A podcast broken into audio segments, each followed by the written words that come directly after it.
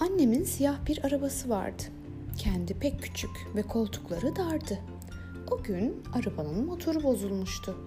Annem bunu görünce sinirden kudurmuştu.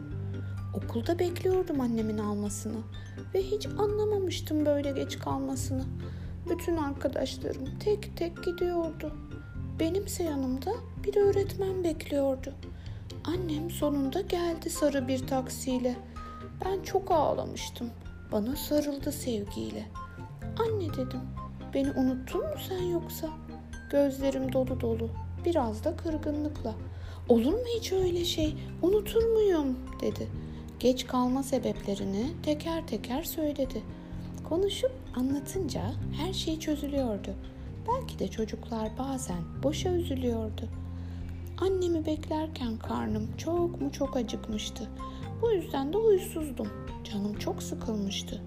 Yolda birden başladım ağlayıp bağırmaya. Annemse şaşırmıştı bu davranışlarıma. Yoksa dedi üzgün üzgün, sen bana kırgın mısın? Anlattım ya az önce, hani sen anlamıştın?